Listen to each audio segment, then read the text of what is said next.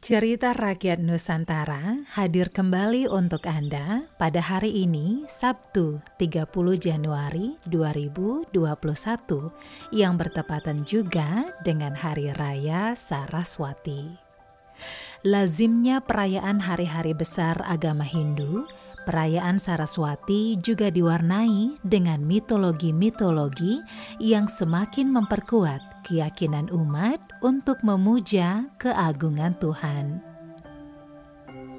Salah satu mitologi yang menarik tentang Dewi Saraswati tertuang dalam Uttarakhanda yang merupakan bagian dari epos Ramayana. Dalam cerita tersebut dikisahkan Dewi Saraswati bersemayam secara gaib di lidah Kumbakarna sehingga dunia terhindar dari kekacauan.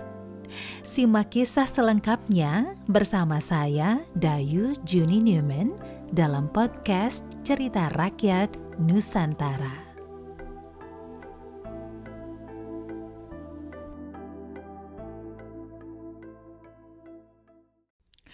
Mitologi Dewi Saraswati di dalam kisah Ramayana.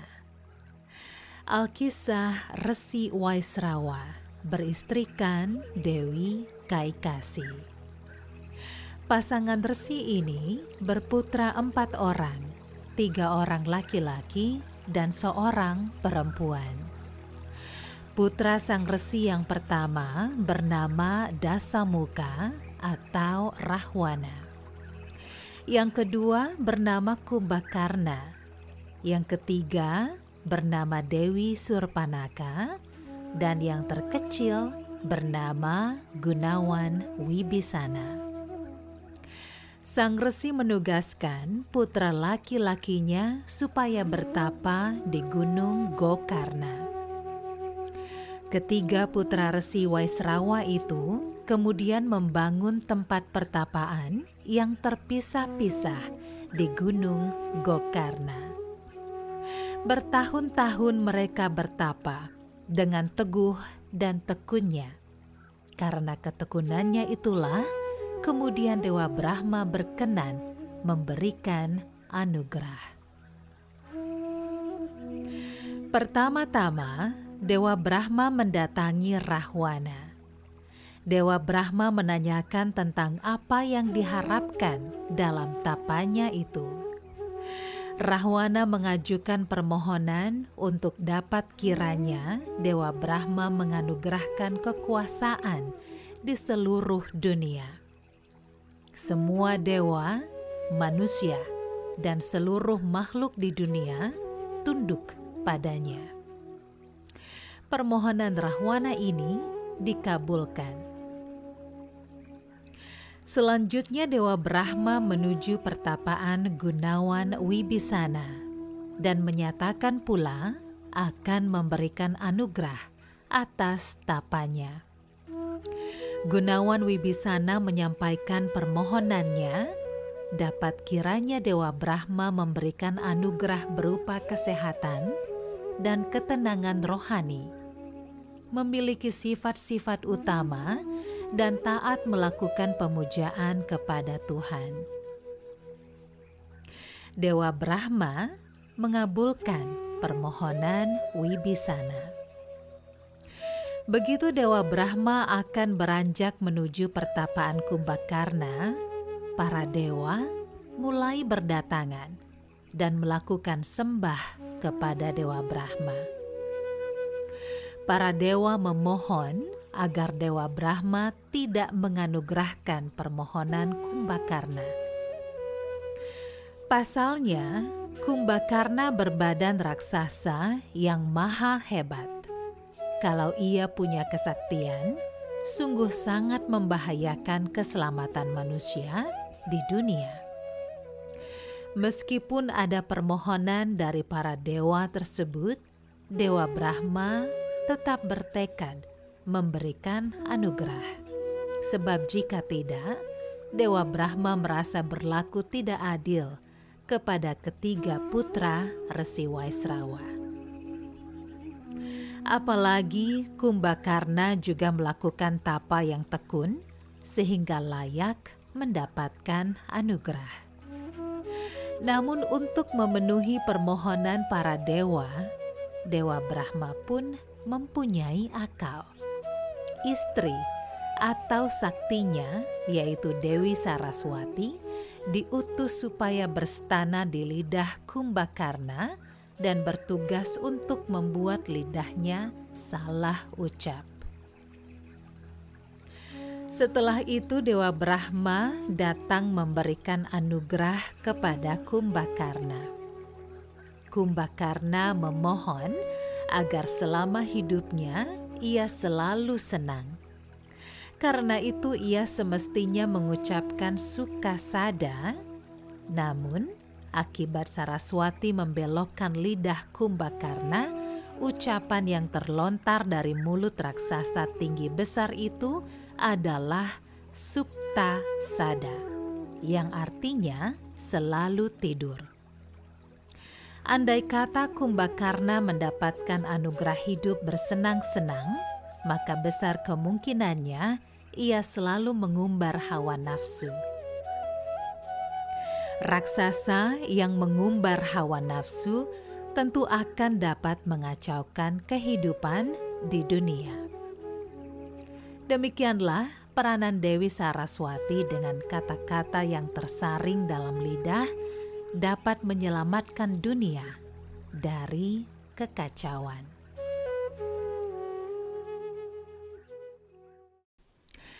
Di dalam kesusastraan Weda, Saraswati adalah nama sungai yang disebut Dewa Nadi, yang artinya sungainya para dewa.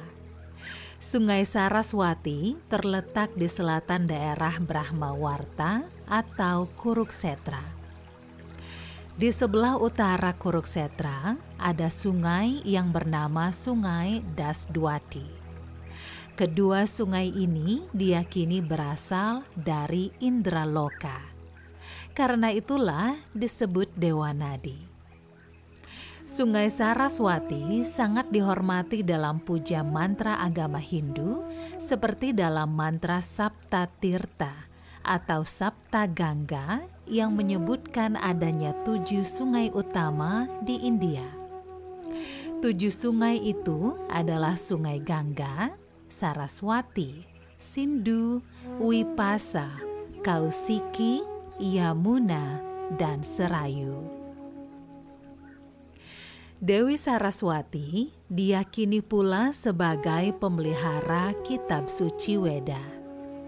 Hal ini diceritakan dalam Salya Parwa, kitab ke-9 dalam epos Mahabharata.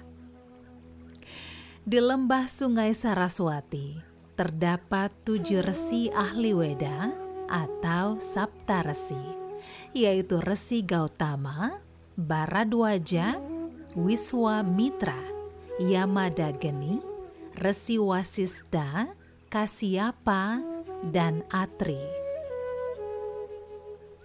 Ketika musim kemarau datang, keadaan di lembah Sungai Saraswati pun menjadi kering. Tumbuh-tumbuhan tidak dapat tumbuh dengan baik. Bahan makanan pun menjadi sulit didapat yang membuat Sabta Resi pindah ke tempat lain. Sedangkan putra Dewi Saraswati yang bernama Saraswata masih setia bertempat tinggal di lembah sungai Saraswati.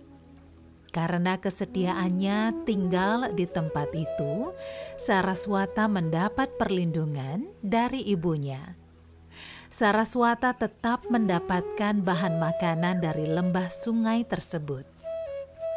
Para resi yang meninggalkan lembah sungai Saraswati lambat laun tidak tahan pada keadaan yang mereka alami. Karena di tempat mereka yang baru, mereka sulit juga mengubah nasib. Dan mereka telah lupa pada isi Weda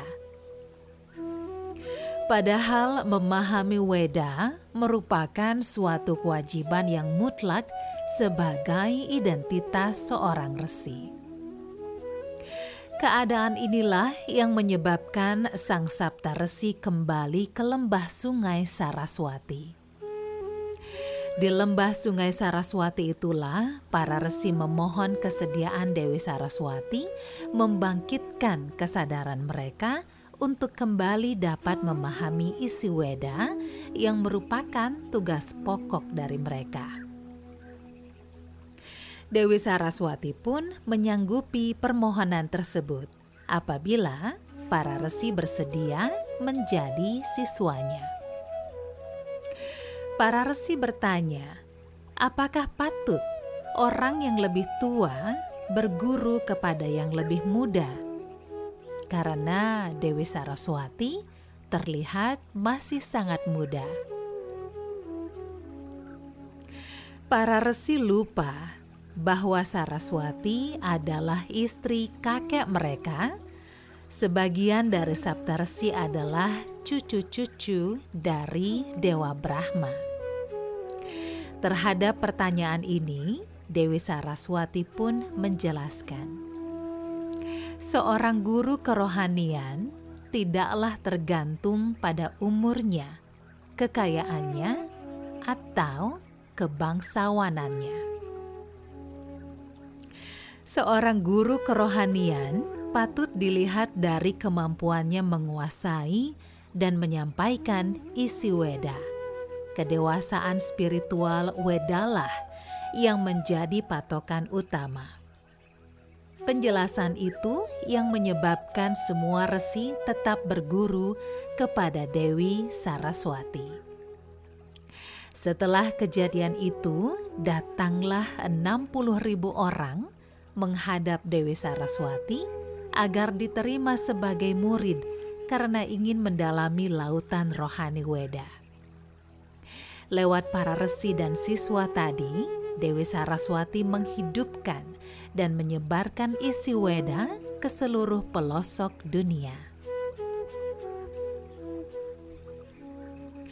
Mitologi Dewi Saraswati dijelaskan pula dalam kitab Aiteria Brahmana.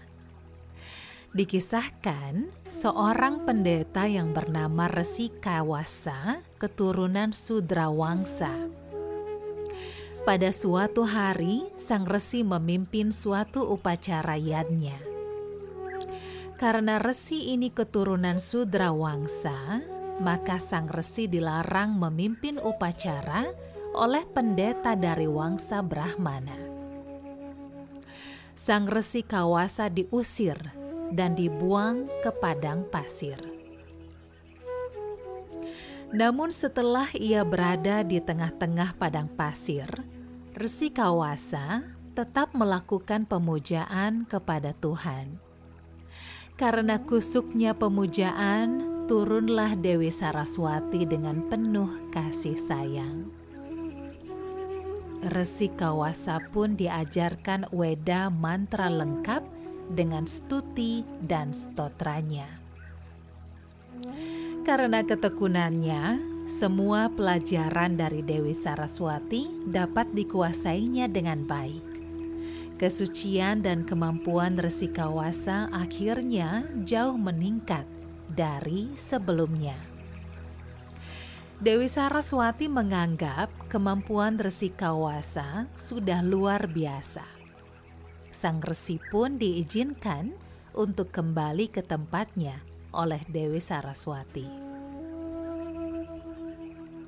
Setelah ia sampai di tempatnya semula, pendeta dari Wangsa Brahmana terkagum-kagum atas keberhasilan Resi Kawasa. Resi Kawasa mampu menunjukkan kemahirannya tentang Weda, baik teori maupun praktek dalam kehidupan sehari-hari, yang berupa tingkah laku yang bersusila tinggi Akibat keutamaannya itu, Resi Kawasa diakui semua umat dan semua resi sebagai Brahmana pendeta sejati. Demikianlah kekuasaan Dewi Saraswati akan dapat memberikan peningkatan kesucian dan kehormatan kepada mereka yang memujanya dengan sungguh-sungguh.